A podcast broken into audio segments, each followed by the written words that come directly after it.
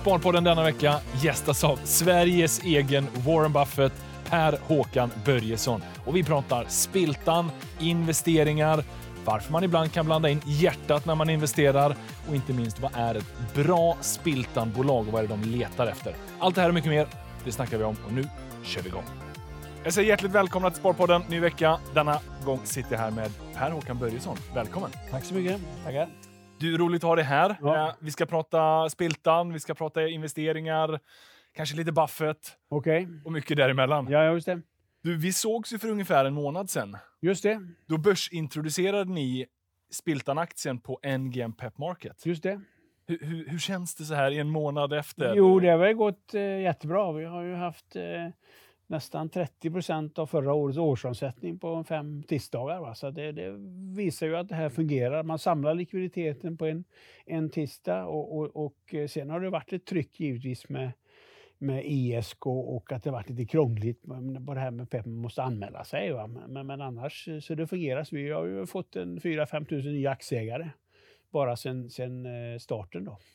Så det har ju varit fantastiskt. Och sen har ju kursen gått upp också, så vi har gjort lite bra affärer. Och sen är det här med att man samlar, nu till exempel Klara Bo, vi noterar Klara Bo i, i, i torsdags, ja, då gick det ju bättre än någon kanske hade räknat med. Ja, Då steg ju Spiltan Substans med 6 kronor Just det. i, i torsdags. Och då, klart att, då, då var det ingen som kunde handla Spiltan-aktien. Nu kan ju alla handla på den informationen då imorgon, tisdag. Va? Så Ja. jag tycker att det är rättvisare för alla aktier också som en, en viktig aspekt. Och så inga, inga robothandlare då som vi inte gillar heller på, på, på, på NGM så att säga. Men eh, jag vill minnas att någon gång historiskt så där har du varit lite emot ISK. Av, av den här faktumet att det är ju faktiskt bättre att äga i en depå om du ska äga på 40 års sikt eller någonting sånt. Ja, lite så. Man- men men, men det har- har- negativa är just att man, att man har en tendens att göra för mycket transaktioner. Ja. I och med att det, inte är något, det, det är låga transaktionskostnader och det är inga skattekonsekvenser. Då köper du och, och behåller inte din aktie som är min, som är min budskap. Alltså det, det, det, det, men själva ISK, framförallt om du har en aktie som ger 2-3% i utdelning, då går du inte att slå Nej. Eh, eh, kontra ha den eh, direktägande. Men sen om du är riktigt, riktigt långsiktig, ja, då, då blir det, kan det ju vara en fördel om du har en lågutdelande aktie. Ja, till exempel Spiltan då. Det kan ju vara så att vi delar inte ut så där jättemycket pengar. Men samtidigt inser man ju att alla det, det, jättes, det, var större tryck på ISK. Jag har ju fått kommentarer, men nu må- nu måste byta till någon annan lista. Ni kan inte ha, det, vi vill handla. Jag köper inga Spiltan-aktier för det går inte att köpa på ISK i och med att den var onoterad. Då. Så det har jag faktiskt underskattat Ja. i efterhand. Nej, men, du- men du har ju ändå någon, du har ju en poäng i att man kan absolut vara för aktiv. Och det känns som att många, framförallt nyare, men även erfarna sparare, tenderar att bli alldeles för aktiva på börsen. Och framförallt nu när det händer mycket. Man pratar alltid från inflationer och allt möjligt. Och det bygger ju någon känsla i en av att eh, jag måste agera, jag måste göra saker, då är jag produktiv. Men på börsen är det ju precis motsatsen. Det är ju ofta den som sitter still och bara väntar som är, är den som blir belönad mest. Ja, det är ju vårt lilla mantra där. Transaktioner är Ja. finansvärldens modersmjölk brukar jag ju säga. Och, och, och, och liksom, men det är ju otroligt svårt. Va? För du, du, när du eh, sportar och när du arbetar är det mest aktier som vinner. Här är det tvärtom. Ja. Och, och, och det, det är svårt och man, man lockas hela tiden då att ta hem en vinst när, när, när- när, man ser kursen gå upp eller kursen dubbla sig första gången. Men de som är riktigt framgångsrika, de köper och behåller och är, är långsiktiga. Men det är otroligt svårt och även, även proffsen Ja. gör ju den här typen av misstag. Ja, jag, jag, jag sålde Niben när det dubblades första gången och sen har det dubblats tio gånger till. Va? Liksom det, det, det, det, ja, men det, det, är- många som gör, gör det misstaget faktiskt. Är du ett proffs då? På aktiehandel? Ja, jag, Det får man väl ändå jag, är säga, lång, jag, är lång, jag är långsiktig i alla fall. Och sen har vi väl lärt oss lite grann de här 35 åren vi har hållit på. Så att vi, vi, vi, vi försöker bli duktigare och duktigare. Men just ha karaktären. Ja.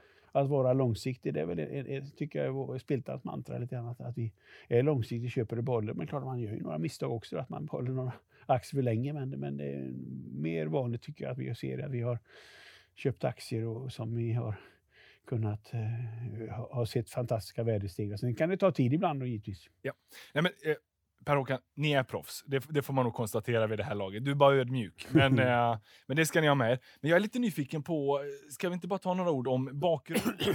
Spiltan. Hur, hur väcktes idén? nu 35 år senare, det har hänt otroligt mycket. Fin, finns det några principer som har varit de samma genom åren? Men om vi börjar med, här, hur, hur väcktes idén till det här? Ja, det för, först var det en aktieklubb och det är faktiskt på fredag, är det faktiskt exakt 35 år sedan vi hade extra stämma och, och bildade här i Westmansby Spiltan. Så jag har faktiskt samlat lite grann av de ursprungliga aktieägarna. Ska vi ha lite, lite fest på, på fredag då. Va?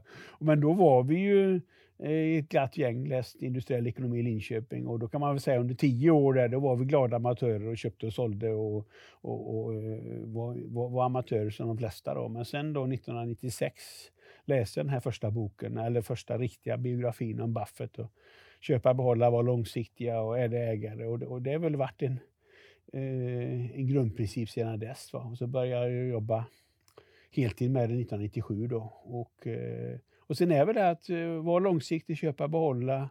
Och sen är det då minoritetsposter i onoterade och noterade bolag. Det är ju det vi har hållit på med sedan dess kan man säga. Ja. Och när, när köpte du första Berkshire Hathaway-aktien? Ja, det gjorde jag faktiskt eh, privat där 1996. För 32 000 dollar. Nu står den väl i över 400 000 dollar, så det är tio gånger pengarna. Ja, och även Spiltan har ju lite Berkshire Hathaway. Ja, vi, det började, vi var inte, det var lite långsam också. Vi var 2004, 2005 någon gång. Ja, ja, det har varit en bra utveckling. Ja, det har varit en fin utveckling också. Men eh, var det första gången du fick eh, höra talas om Buffett? Det var 1996. Ja. 96, ja. Och när, när, för du har ju varit på stämman några gånger. Och... Ja, vi var där första gången 98 då, så vi har varit där en 14 gånger då sen dess. Men lite, eh, och nu har det inte varit någon stämma, någon stämma publik så att säga, de två sista åren. Men sen, men har du haft möjligheten att prata med eh, Warren än så länge? Eller? Nej, men förr, alltså på 2000 till 2010 ungefär, då kunde man gå fram och visa jag, typ, jag har Spiltans årsredovisning på kontoret. Jag har Warren Buffett, Charlie Munger och Bill Gates fick man signerat då. Men jag, jag har haft lite kontakt. Jag skickade ju ett, eh, jag gjorde en hällristning till hans minne så att säga. Jag hade en affärsängel, en aktieägare som gjorde, man kunde skriva in i, i uppe i Tanum, man skriva. Så det skrev price is eh, what you pay, eh, value is what you get. Och så skickade jag den till hans sekreterare och fick jag tillbaks. Och så skrev jag då att det här håller i 3000 år. Då kom, kom signerade Buffett det här med Thank you Per, I hope I last as long as the carving. så sa Buffett då. Så han, ja, han, han, så han har haft lite kontakt med honom, men inte, inte direkt pratat med honom. Nej. Han är ju en upptagen man, det får man förstå, ja, ja, och, eh, och, och, och liksom dyrkad av många. Jag måste ändå fråga, finns det någonting som du inte håller med Buffett om? Det, jag delar ju också hans filosofi jättemycket och i mycket, mångt och mycket så både det han och Charlie predikar är ju sunda principer, mm, långsiktighet och så vidare. Mm. Men är det någonting du har sprungit på som det är sådär, ah, jag är inte helt hundra här? Av nyfikenhet. Vad... Ja, det svåra är ju av karaktären. Och det är klart att han, han ja, vi har lite på med fastigheter till exempel. Det gör inte han då för att han tycker det finns så många bra bolag så han har ju aldrig gått in i fastigheter. Det är ju en sak som vi har, har kanske nu 17-18 procent av portföljen. Det är en, en sak ja. vi Eh, Försäkringar har ju varit en stor del ja, av hans. Ja. Han har använt floaten i försäkringsbolaget. Geico och sen byggt en investeringsportfölj av det. Mm, mm, det har väl ni aldrig haft försäkringar? Nej, vi har inte funderat på det, men det, tyvärr så finns det få entreprenörer i ja. Alltså, när det gäller svenska bolag så kan man gå och köpa utländska försäkringsbolag. Då, då har vi egentligen bara Berkshire Hathaway. Och vi har inte, det problemet med försäkringsbolag är att, att, det är så svårt. Det är komplicerad eh, bokföring och man vet inte dolda risker. Va? Så därför har vi inte gett oss in i det. Men vi har tittat på, vi har fått några förfrågningar då och då med, med försäkringsbolag faktiskt, men vi har inte det, finns ju få, det finns ju inte några svenska bolag. Det finns ju Solid har kommit på börsen nu. Ja, ja det, precis. man får känslan av att det är en ganska konsoliderad marknad. Du har de här stora, ja, If, Trygg-Hansa mm, mm, mm, eh, och, och liksom bankerna har sina försäkringar. Så du har inte, precis som du säger, den här entreprenöriella. Kanske kommer. Ta en sån uppstickare som Hedvig ja, eh, och med flera. Och jag tänkte vi ska eh, kika in lite på portföljen sen, för ni har ju också lite uppstickare i lite andra eh, sektorer. Men eh, innan vi bara avslutar Buffett. Eh, vad är det som har betytt mest för dig av det som han förespråkar?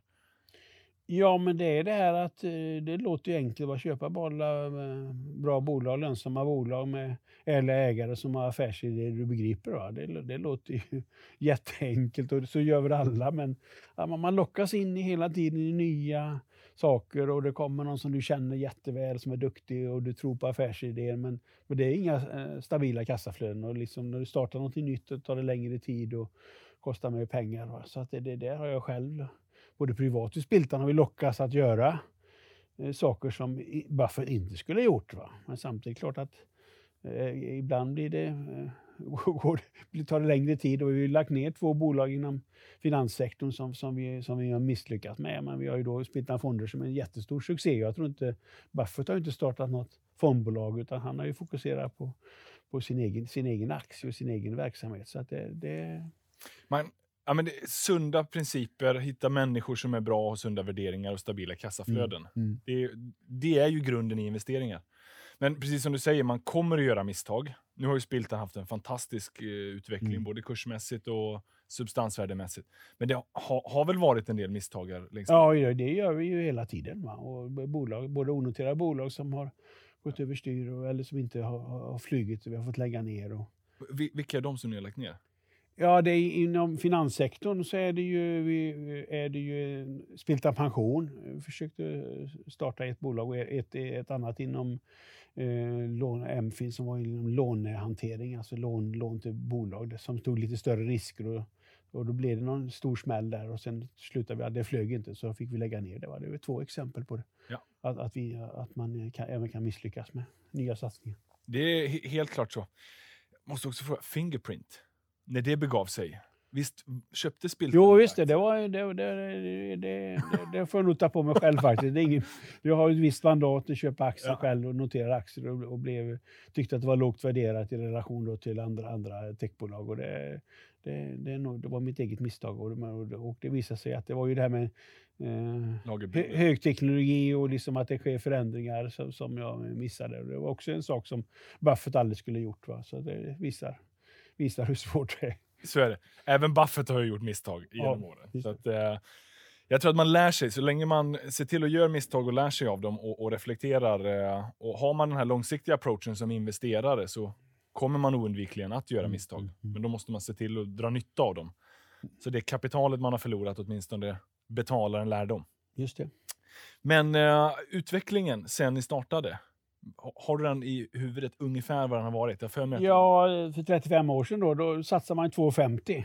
Eh, per aktie? Per aktie och nu är det ja. 260 senaste. Så det är väl, eh, Peter Lynch skulle säga att det var 100 bagger, skulle, skulle han sagt då. Men det är klart, att 35 år sedan, det var ju många det var ju, sen, nästa emission gjordes väl på 3,25 och sen gjorde vi en på 5,40 då, 2000 och sen låg vi stampade 10 år sedan. Även de senaste 10-12 åren som har varit eh, ja. fantastisk utveckling både med Spiltan Fonder och med Paradox och många bolag. Så det är väl då vi har visat att vi har lärt oss. Det tog väl 20 år där innan vi, innan vi kom upp och, ble, och blev riktigt duktiga kan man säga. Men med, med den framgången, för det har ju verkligen varit en succé och 100 bagger minst och, och ni är ju inte färdiga med resan än ens. Ja, men nu är ni mycket större. Substansvärdet är ju strax norr om 7 miljarder. Mm. Har det förändrat strategin, förmågan att hitta investeringar eller? Ja, det blir ju svårare. Det säger Buffett också. Ju mer pengar man har, desto svårare blir det. Och det är klart att man kan ju inte räkna med samma utveckling nu som vi haft med, med Paradox till exempel. Att, det, att vi tog 10 procent i, vi satsade 10% i Paradox 2010 som har blivit en dundersuccé och nu satsar vi kanske en halv procent och, och får några succéer kanske, men det, det, får inte lika stor effekt. Men samtidigt blir det ju stabilare, att vi har mycket mer spridd portfölj och vi har noterade aktier och några, några mer stabila så att säga. Men att vi ska börsportföljen, om vi kan slå slå eh, börsindex med den och sen då satsa på onoterade bolag som, som går ännu bättre så är det klart att vi, vi har förutsättningar att att, att vara en bra placering eh, även, även i framtiden. Och framförallt att vi har låg risk. Man glömmer bort också. Liksom köper man Spiltan-aktier då får man ju, ja, man, nu får man ju paradoxer 35 procent men resten av portföljen är ju extremt diversifierad med olika bolag. Och nu är Klarabo kanske 7-8 procent till exempel och Spiltan Fonder är ungefär lika stort. Va? Men, men resten är, är, ju extremt många bolag. Så det är väl det vi försöker sälja av också. Vi har ju haft en historia att vi, att vi har många småinnehav och nu måste vi satsa mer pengar på varje innehav för varje, varje sak tar tid och det håller vi på uh, och, och jobba med. Men samtidigt är det lite tråkigt att sälja ut Även om det är mindre innehav, det tar inte så mycket tid. Va? Så där har jag varit motståndare till att bara dumpa ut de mindre innehaven. Så vi har ju många små innehav eh, som vi successivt antingen går blir de noterade eller så något, i något fall går de överstyr. Då. Så vi Ja. försöker göra större, större investeringar både i onoterat och i, i noterade bolag. Då. För det här är ju en intressant tanke som alla investerare behöver ställas inför. Det här att man ska koncentrera sig, ha några få aktier som då blir en mycket större vikt. Det kommer med en högre volatilitet, eller risk om man så vill. Eh, eller om man ska ha en lite mer bred portfölj. Men, men eh, fördelen med en bred är att du har den här riskspridningen. Mm. Men varje innehav ger inte lika mycket kraft så att säga. Om du har ett Mm. innehav som är 5% och det dubblar sig Mm. Så kommer det ju inte röra portföljen så mycket bara för att det är så pass litet. Hur, hur tänker ni där? För ni har ju ändå en relativt koncentrerad portfölj i Paradox och sen då jättediversifierad Mm. säger du. Eh, Det är ju inte bara du som är verksam i Spiltan. Hur- går liksom övergripande tankarna om... Nej, men vi- har väl... Eh, vi, har liksom, vi, vi köpte inte på oss 80 procent av Paradox när, när vi hade så stor stand, utan det är just att du, att du vågar ligga kvar. När du har en bra aktie, du har ett bra bolag, du känner ledningen, du känner affärsidén, då har vi ju sålt av lite grann med notering och varje år har vi sålt av, men vi har inte sålt av allt. Och det tycker jag det är vanligaste misstaget både bland proffs och, och, och, och privatpersoner. Nu säger de, nu ska jag inte ha, vara med. Eller nu till exempel Spiltan-aktien. Det är ju jättemånga som, som nu är tacksamma att, de inte har, att det inte varit så lätt att handla Spiltan-aktien. Då, då har de ju inte, ja, den har, har nästan sälja. glömt bort den och nu sitter de där med, eh, med, med miljontals kronor i Spiltan-aktier som, och är tacksamma över det. Så jag tycker att det, det är vanligaste misstag och då tycker jag att, klart att man ska inte börja med det, det är väl den här aktiespararna, du ska ha tio bolag i din portfölj, det är absolut rätt. Men sen om du har en av de här tio sticker, eh, sälj inte av, ja, sälj av lite grann, det är väl en bra strategi, men inte sälja av allt. Ja. Nu har den den stuckit två, tre gånger, ja, då- det, det kanske blir en jättesuccé. Och det tycker jag även, även Spilta Fonder har visat hur de placerat dem, att de ligger kvar med samma bolag som har varit framgångsrika under, under hela ja, de här 20 åren de har hållit på. Då. Så att behåll vinnarna, låt dem fortsatt springa, kanske skala lite om Mm. Just man nu det. behöver, men inte toksälja så som du Nej, gjorde med det, Nibe det tycker jag är en, en, en vinnande strategi. Va? Men hur, hur gör ni då med mindre innehav? Så som du, som du förklarar att ni har rätt många små innehav. Och det förstår ni att det kommer ju inte påverka substansvärdet nämnvärt om något innehav bara utgör en promille av substansvärdet. Försöker Ja. ni då ta i alla fall så att det minst blir 1 till 5 procent? Ja, vi ökar i några då. Ökar successivt har vi gjort i några fall. I några fall har de, har de noterat och kanske vi har sålt av dem när de noteras. Och sen är det just med onoterade bolag är det ofta svårt. Då finns det ju ingen likviditet. Eh, Och då klart att man, om man då försöker sälja dem där så blir det ju lite dåliga priser för det utnyttjar de andra delägarna i ett onoterat bolag. Så det har vi varit lite obenägna att göra då, utan då blir det att några bolag Ja. har, har, har kanske gått överstyr, men för de flesta har det gått hyf- hyfsat bra. Just det. Så att nå- någonstans både behålla vinnare men också satsa där det är mindre bolag man tror på. Och sen får man bara se till att ha en grundläggande långsiktig inställning. Och så får man se, några kommer bli bra, några kommer bli mindre bra. Eh, men har man en bra spridning så får man nog en ganska god helhet. I alla fall om man bara kollar. Ja, just det. Nej, men vi har ju några, vi, vi, som du ser på, nu till exempel Paradox, så köpte vi för en krona. Ja. Och, sen klart, och vi har Active Properties, det bolag som handlas på Peppins, där, det började vi köpa på 18 öre. Nu står de, gjorde vi en, var vi med en riktad emission på 3,50 och Technion var vi med innan, innan de noterades då på 8 eller 12 kronor och nu står de i 140. Va? Så att det, är klart, men det, det är olika tids... Klara Bo köpte vi dem när de startade bolaget, då fick vi erbjudande att vara med. Då tyckte vi att det var alldeles för dyrt och de har inte kommit. Så tackade jag nej. Sen köpte jag aktier på 20 kronor. Sen köpte jag mer aktier nu då på, för 29 kronor här innan sommaren. Eh, förutom att vi la in Kuststaden då i ett annat bolag och sen, ja, nu står den ju 48 kronor då. Va? Så det, men det är, det är lite kortare tids, tidshorisont då, men det har också varit en fantastisk placering. Just det. Finns det något sånt här typiskt Spiltan-bolag som ni letar efter? När ni letar bra bolag att investera i, vad är, utöver då liksom att det är en fantastisk management och goda kassaflöden, finns det någonting sådär specifikt som ni just letar efter? Nej, men det är väl entreprenörer, va? det är som alla, som alla säger givetvis. Och där, I och med att vi har minoritetsposter, ja, då blir det ju extra viktigt. Vi kan ju inte byta ut. om vi har en entreprenör som äger 70 procent och vi äger 30 procent, då är det svårt att, då, så är det svårt att komma och säga nu ska du sluta. Va? Utan då är vi, vi sitter ju fast, vi sitter lite grann i baksätet, så det gör det extra viktigt att ha, att ha rätt entreprenörer och tro på dem på lång sikt.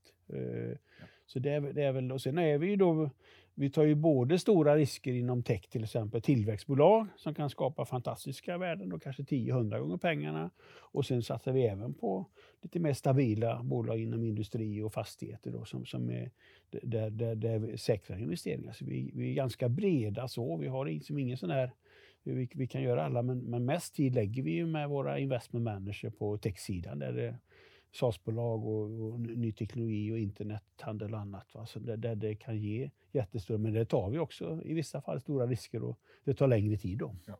Och visst använder inte ni belåning?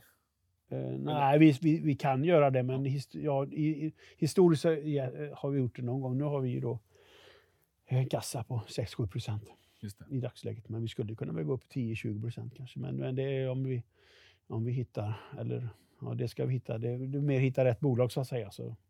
Och I dagsläget kan man ju tycka att börsen är lite högt värderad kanske, men det har vi tyckt i många år nu. Så att... Ja, det, och det är många som tenderar att tycka det, men det kan ändå finnas enskilda bra investeringar. Ja. Mm. mm. Men, men ni är restriktiva med belåning? ja, det kan man säga. Vi har, vi har väl en policy på 10, max 20 procent, men det är samma. Ja. Sen, när det sen när det är riktigt, ja, det är samma i mars förra året, då, då var man inte så kaxig så att säga. Man trodde det skulle fortsätta ett halvår till. Så tog det några månader. Va? Även om man, vi kunde köpt mer aktier så gjorde man inte det. Va? Även, även, även vi påverkas av, av, den allmänna stämningen. Ja, hur, hur tänkte du resonera där i mars 2020? Ja, vi, vi gjorde ju inte så mycket faktiskt, utan Nej. vi köpte lite aktier här i april, maj sen. Ökade vi eh, den börsnoterade aktien och, onoterade hände ju inte så mycket, utan det var mer att vi var väl försiktiga och sen ströps ju flödet av nya onoterade ströps där några månader. Så att säga. Det var liksom svårt att förutse framtiden. Så att vi, vi agerar väl inte. Vi sålde ju inga aktier, men vi, vi, vi köpte några stycken där. Som, eh, då, men i Sverige efterhand skulle man ju köpt mer då. Det, det, har jag också konstaterat, men, men det är väldigt lätt att vara efterklok. Ja, ja. Uh, jag tror att det är bättre generellt sett att ta det säkra för det osäkra jag, eh, jag ska inte jämföra mig med er, men, men jag satt också ganska passiv. För man blir mm. ju lätt orolig mm. och vet inte riktigt vad det är som händer. Mm. Jag mm. köpte lite under, under fallet, men lite för tidigt också. Mm. Nu har det blivit bra ändå, för att det har stigit så mycket. Men, eh, men någonstans, jag själv tenderar att hellre välja det säkra för det osäkra. Man, man kan gå miste om 10-20% avkastning. Hellre det än att man stressar in och ska försöka jaga den där sista procentenheten som ändå inte ger så mycket i totalen. Utan ta det lugnt och var långsiktig. Mm. Det kommer man ganska långt på. Nej, vi hade någon där, vi hade lite gissningstävling då när det var som värst. Liksom. Då trodde jag väl oktober skulle botten vara nådd. Då var det någon i styrelsen som sa det är nu. Och det var ju rätt då. Ja. var... Men du fick sista ordet ändå? Ja, ja, ja, ja nej, men fick ju fel då. Det gick man ja, ja, vid alla nedgångar kommer marknaden tillbaks. Ja. Bara frågan tar det liksom tre månader tar det tre år? Va? Det, det, det är det som är det svåra givetvis kollar ni på börsen i sån här liksom, bredare perspektiv? Har ni en tanke vart ska börsen om tio år? Eller så? Nej, utan vi leker bolag och sen kan man ju då vara lite, lite det här med likviditet. Liksom, om vi nu tycker att marknaden högt värderad, som, men, men samtidigt är låga räntor, liksom att, att då börja med 10% belåning kanske inte riktigt våra... Då, har vi haft en kassa nu de senaste ja. åren eh, och så vi skulle kunna utnyttja. Och vi, och vi behöver hela tiden likviditet för potentiellt för att kunna Eh, stötta våra onoterade bolag och även kanske göra nya onoterade investeringar. Just det. Men vi har ju ändå en inflation som börjar stiga och realräntan är ju fortfarande kraftigt negativ. Så man skulle ju kunna belåna sig och hoppas att det inflateras bort. Ja, oh, nej, det, det är så. Ja. All, allting, allting, går snabbare, både, både upp och ner med, med belåning.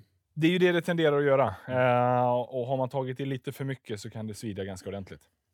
Men du eh, Per, jag tänkte så här, vi ska snacka lite om innehaven. Ni har rätt många, så vi ska inte gå igenom alla. Men Paradox är ju det absolut största. Mm. Det är ungefär 35 procent i dagsläget. Ja. Nu har det väl ändå varit, kan man konstatera, det har, det har stått lite still där eh, i bolaget över senaste åren. Hur, hur, går era tankar där? Ja, det har ju till och med gått ner. Ja. Kursen har ju halverats sedan ett år. och det var ju, vi, då gjorde vi en stor placing. Vi sålde aktier för 560 miljoner då i, i juni förra året. Och då, klart, då hade vi ju bra likviditet.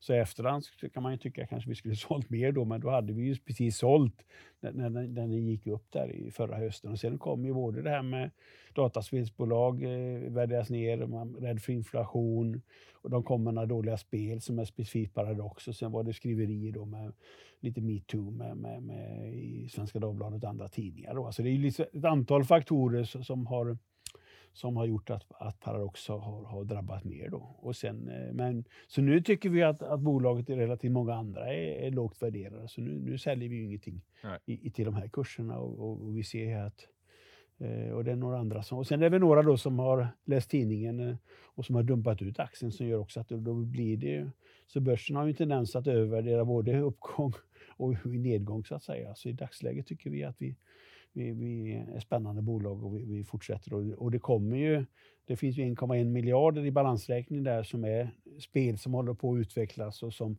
kommer och hur de kommer att slå.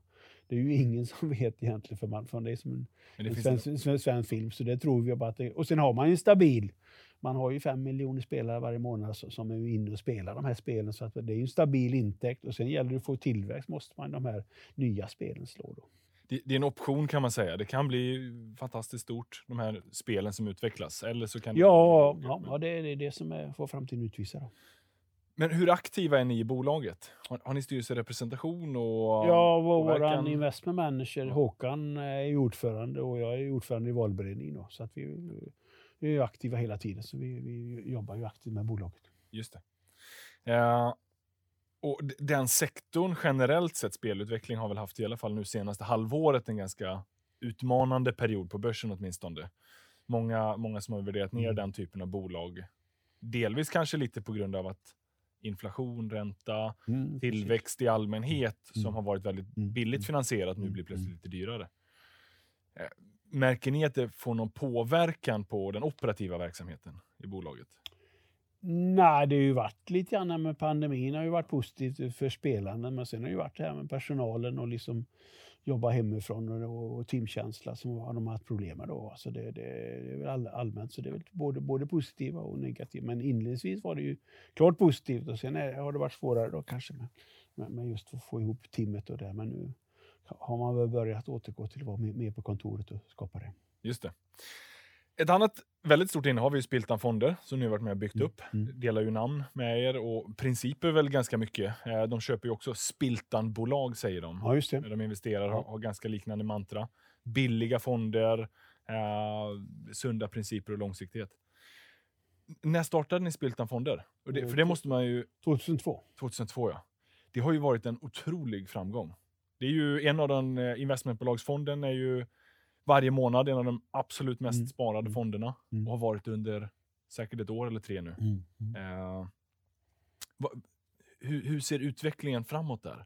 Finns det, är ni med och påverkar eller låter ni dem få liksom, driva lite fritt och innovera och hitta på nya fonder och sådär? Eller? Ja, det är ju en, en, eh, en, en styrelse då. Jag har ju själv då, nu har vi Jessica von Otter som är med Spiltans styrelse, ordförande i Spiltans fonder. Så det, ska, det är känsligt det här med att vi också håller på med noterade aktier. Nu håller vi kanske på med Investment AB, håller på med lite mindre aktier, eh, mindre värden så att säga och, och eh, kanske eh, onoterat har vi på med tillväxtbolag som inte de håller på med. Så att vi har ju lite olika placeringsfilosofi. Men, men, eh, men det är ju fortfarande, om man ser på Spiltan Fonder så är det klart att det är otroligt många sparare och liksom nu Eh, flera hundratusen, fem, sexhundratusen på de, hos internetmäklarna. Så det är ju jättesuccé. Så det är väl bara, men fortfarande är det ju en liten del av marknaden liksom, som vi har. Så det finns ju fortfarande stor potential att utveckla och, och liksom, om det nu är 10-20 procent av svenska folket som är,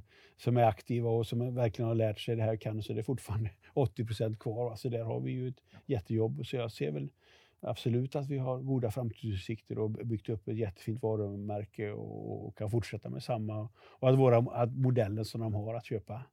Eh, så de har ju bättre, Spiltan Fonder har ju bättre karaktär än vi på Spiltans Investment AB. För vi håller ju på med lite tillväxtbolag som är kanske är olönsamma för vi ska få den här 10-100 gånger. Det håller ju inte Splitta Fonder på med, så vi har ju olika. De har lite mer re, ren Buffett-princip. Ja, det vill jag nog påstå. Ja. Så är det. Men uh, det här med att det är lite känsligt. För den här investmentbolagsfonden, den är ju den mest populära. den äger ju investmentbolag, men kan ju inte då äga Spiltan-aktien.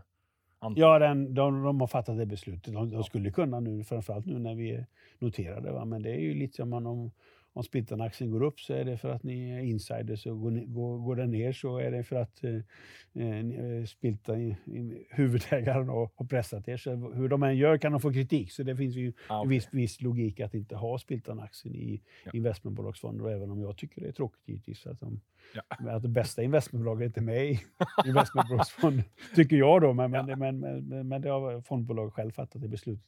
Jag, må, jag måste hugga på det. Är Spiltan det bästa investmentbolaget? Ja. Det beror på vilken tidshorisont. Vi, nu har det varit lite tufft här med, med Paradox har gått ner. Va? Så då har vi blivit lite omsprungna de sista åren. Men samtidigt har alla resten av innehaven har, har, ju, har ju gått upp bra då. Och så har rabatten minskat då, så det har vi fått nytta av. Men ja, det är väl, jag tycker alla investment, de flesta investmentbolag är bra. Va? Så att det, det är väl lite, lite, det är väl lite part i målet där. Ja. ja, det är klart att du är. Det vore konstigt om du inte skulle tycka att Spiltan är den bästa eller en av de bästa. Men, men det är det, är det jag själv, jag älskar ju investmentbolag eh, av just den anledningen Mm. att du får experter, proffs som sitter och har näsan i börsen och fiskar upp Mm. de bästa aktierna. Men att det finns också lite olika karaktärer. Ett Mm. Spiltan som har lite mer onoterat, minoritetsäganden, Investor industrivärden som är ju tungt på industri. Eh, tar man både Investor och Latour så får du både en industrirörelse och en onoterad förvärvsmaskin. Mm. Mm. Så, och, och liksom Bure som är mer koncentrerade och några få innehav som har varit framgångsrika. Svolder som bara kör noterade småbolag. Det finns ju en, det är ju en he- helt gott och blandad påse där Mm. med fina investmentbolag. Kö- Köper du investmentbolag privat utöver Spiltan? eller Nej, jag har alla mina pengar själv privat i, i Spiltan. Men, men det unika med Spiltan, du kommer ju åt onoterade aktier som du in, inte kan köpa själva. Och i och med att vi bygger upp ett rykte, vi köper och behåller vi långsiktiga, då får du en portfölj av onoterade aktier som jag tror det, det är väl några andra som håller på med det. Men det, det tycker jag är det unika med investment av Spiltan då. Ja. Den här onoterade portföljen. Men du är inte lite nyfiken på vad de andra sysslar med? Då? Du följer dem ändå ganska Ja, lite grann, men inte, inte så jättenoga. Nej. jag säga. Nej. jag ska inte pressa dig mer. Eh, men eh, på tal om lite onoterade innehav. Eh, jag tänkte vi kan kika lite på några. Ett som är ju lite på Spiltan Fonder-temat, där ni själv är med och, Mm. och påverkar, är ju Heimo. Just det. det är ju ett, en, en bolåneutmanare. Just det.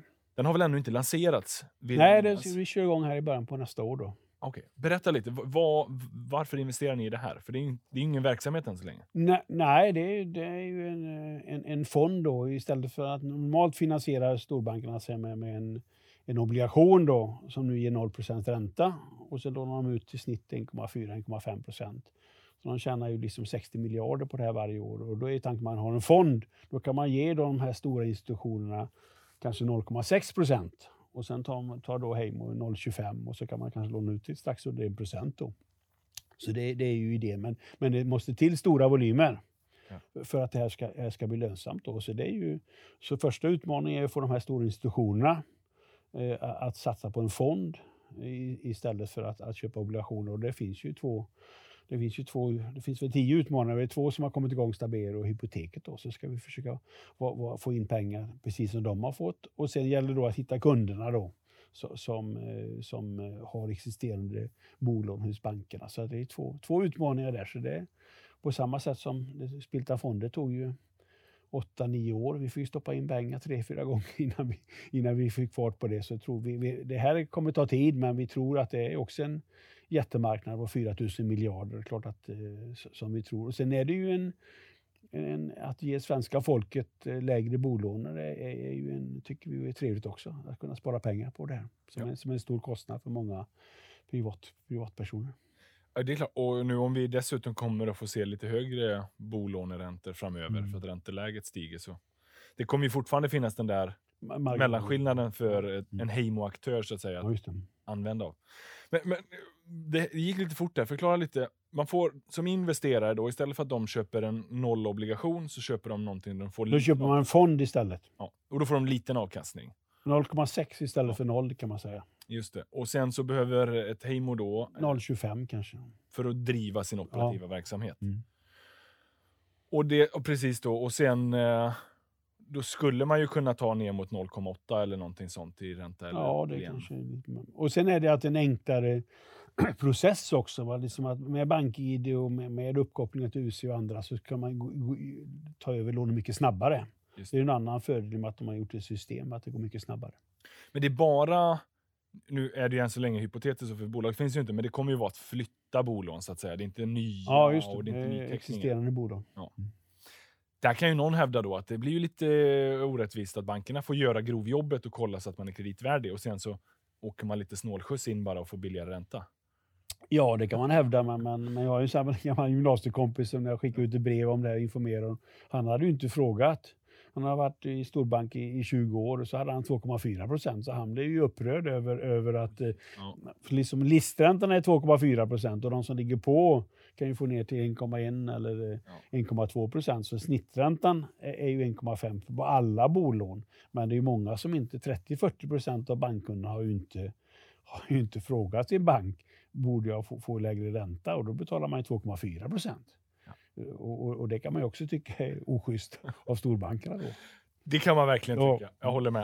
Eh, ja, men det, det, det är spännande. Det känns ju som att där för er finns det lite en känsla av att man vill ge tillbaka också. Det är därför ni investerar, så som Spiltan Fonder. Ja, och sen är det ju då, här, här har du, och det är viktigt för de här institutionerna som ska placera, att Spiltan nu med våra Ja. 7 miljarder, 7 miljarder och vi har lyckats med Spiltan Fonder så vet man det, att nu, vi kommer inte ge oss. Sen är det frågan hur lång tid det kommer ta och hur, vi- hur, hur, hur vi kommer lyckas med det här. Men, men vi kommer ju, nu har vi gjort den här satsningen så nu, nu kör vi på det och vi får se hur lång tid det tar. En annan intressant investering som ni har är ju i svenska filmer. Just det. Det, och det är någonting ni har gjort under ganska lång tid va? Ja, vi började med det redan år 2000. Med, det var en Jönssonligan spelar högt där. Och då när alla andra förlorade pengar på internetbolag så fick vi pengarna tillbaks. Med Då, eh, ungefär två miljoner. Och sen satsade vi på Grabben i graven, var ju en stor succé där eh, 2003. Så vi har väl satsat ungefär 50 svenska filmer ungefär. Och vi har väl, jag tror att eh, investerarna har satsat kanske 90 miljoner ungefär och fått tillbaks nu 170. Eh, och så Det helt så nu har vi ett bolag som det är nu en liten del av Spiltan, så vi pratar inte så mycket om det. Men, men, men vi har ett gäng där som jobbar med det här och så sätter man in investerare som får vara med i ett enkelt bolag och satsa. Nu till exempel Utvandrarna kommer här med premiär på juldagen. Det är ju en film som, som har fått ihop ett 30-40 stycken som satsat några miljoner då. Okej, så det ni erbjuder idag är både att investera i det, men också att ni sourcar ihop investerare så att film Ja, det är ett gäng som är Nordsvensk Film heter bolaget. Och okej. Spiltan äger väl drygt 20 procent i det bolaget. Men vi satsar inte i, i, i filmerna själva då, i och med att det, dels är det hög risk och dels är det så, har vi så mycket pengar så det ger ingen effekt på Nej. vår balansräkning. Då. Men vi, vi är delägare i bolaget i och med att vi, vi startade då, så det är väl tre personer som jobbar med det här. Okej. Men, men, oj, för det, det känns ju precis som du säger, det är en begränsad uppsida där med, med investering i film. Hur, hur kom ni på tanken? Och det är inte så vanligt. Nej, det investera var film. väl mer en, en, en, eh, en, en, eh, kul grej. Ja. Alltså, det, var, nej, det var väl det här spilt, spilt, det skulle man skulle göra en film om Spiltanligan på Östermalm. Och då, det var då eh, vi började, ja, det kanske vi ska göra Jönssonligan istället, för den blev aldrig av den här filmen. Så det var så det började. Sen blev det en liten kul grej och sen har det fortsatt. Och sen är det ju alltid från, man förlorar alla pengar och man får då sju gånger pengarna. Det är Millennium då, Millennium-filmerna, de här första. Ja, det var den bästa Men avkastningen. sen har du andra, där har du liksom med, du får gå på galapremiär och du får kanske vara, vara statist och, och, och, och, sen eh, kan du göra och, och några. Det är när man har någon bra bok, va? Hundraåringen och Ove, det är exempel på där man får tre, fyra gånger pengarna. Och de har ni varit med i också. Ja, de har varit med, som varit med. Har du varit statist i någon film? Eh, ja, jag var faktiskt den första filmen, då, då var jag statist, men då var det var liten, eh, fick man sitta mitt i, mitt i sommaren på Operan och med, i smoking och så fick man, ju ha, fick man då resa sig. Någon, någon slog, det var någon smäll där på scenen och så fick man alla rusa sig bakåt. Och sen, men, men då fick man ju ha elektronmikroskop för att se att jag stod där bland flera hundra andra, så det var väl ingen framträdande roll precis. Ah, okay. I men det kanske kommer framöver. Ja, ja, visst. Det är, det är inte Ja, över än. Vi har haft någon som har haft någon röstroll också, men de, de blev, ja, det var någon som blev ledsen för han blev bortklippt sen. jag var jättestolt, han fick en röstroll, men han var ju bort. Men det- ja. Aj då, ja. Det, men eh, det känns som att ni ändå ger lite utrymme i Spiltan för sådana här alternativa investeringar. Det kan delvis handla om att ge tillbaka till aktieägarna, skapa aktieägarvärde, ge tillbaka till sparare, investerare. Finns det någon mer sån här väldigt godhjärtad eller alternativ investering? Ja, vi har ju eh, allmänt sett tycker vi det är trevligt. Vi ser ju våra aktieägare som partner, vi har trevlig årsstämma och ja, vi har bjudit in på några filmvisning. Det gjorde vi faktiskt här nu för, för eh, någon vecka sedan bara. Men då gäller det att vi har e-mailadress till aktieägarna, så gör vi det. Och vi har faktiskt en investering som, som vi har, eh, startup, som vi normalt inte investerar i, som vi kommer lansera sen om en vecka. Jag kan inte prata om den för att det, det, det är lite, lite spännande faktiskt. Ja. Det, det, är en hjärteinvestering. Man kan säga Heimo är ju en, lite grann med hjärtat också. Vi, vi, det kan ta jättelång tid, men vi tycker ändå att det här, det här behövs en utmanare, en, ytterligare en utmanare på bankmarknaden. Ja. Jag är obotligt nyfiken nu på vad den här startupen är. Jag, jag, får, jag får följa. Men det är en, en, en, eh, en liten grej inför valåret nästa år. Oj, oj. I koppling till valet faktiskt, lite grann. Men nu säger jag inte mer. det är politiskt dessutom. Det är ju lite... Ja, ja, lite. ja. Oh. Du, eh, Per-Håkan, eh, otroligt intressant eh, att snacka investeringar med. Jag tänkte avslutningsvis där. Jag, jag får känna, det här är ändå Sparpodden. Jag får ändå känslan att du är ganska sparsam. Stämmer det? Ja, vi säger, jag kommer från Västergötland. Vi säger lite räcker, mycket går åt. Så, vi, så det gäller liksom, det, det är hela tiden en avvägning där med, med en, en, ska man ha, konsumera idag eller ska man ha mycket mer pengar i framtiden? Så att jag har ju inte ändrat mina vanor så där jättemycket på senaste, eller familjen på 20 år. Utan, och det är en satsning vi kommer göra nästa år, att försöka få ut mer med, med det här med min bok och, och, och liksom, det är ju lite sån här bakgrund man har att, att, att göra alla svenskar till miljonärer. Så vi har faktiskt, ska göra en satsning på det nästa år och, och, och skapa mer intresse för att få fler människor att bli miljonärer. Va? Så det är en, också en sån här liten hjärtefråga ja. som vi kommer att jobba med nästa år. Ja. Otroligt intressant att följa och jag har läst, eh, jag tror att jag har läst alla dina böcker, ja. åtminstone den här eh, Hängmattan är ju rätt lättläst, den har jag också gett bort några ja, gånger. Bra julklapp. Ja, för övrigt, den är ganska lättläst. Ja. Men den, den grundar sig på så här kan alla bli, eh, så här kan alla svenskar bli miljonärer. Ja, just det. det var nog en av de första aktieböckerna jag läste. Ja, trevligt. Ja. Och eh, otroligt lättillgänglig, ett språk som inspirerar och inte minst eh, en ganska praktisk guide för hur man gör. Och det är inte särskilt svårt. Det handlar bara om att ha tålamod. Eller? Och karaktär. Och karaktär. Alla kan bli rika på aktier, men man får inte ha bråttom. Exakt. Det, det, det var bara för att säga. Ja. Per Håkan, eh, stort tack för att du kom hit till Sparpodden. Tackar så mycket. Och till er som har lyssnat, eh, hoppas att ni har fått med er både lite intressanta investeringstankar och kanske något litet spartips däremellan. Så får vi se vad det är eh, Spiltan ska hitta på framöver i Startup. Jag skickar ett mejl. Ja, du ser fram emot det. Som alltid, kul att ni lyssnar. Vi ses och hörs igen nästa vecka. Ciao!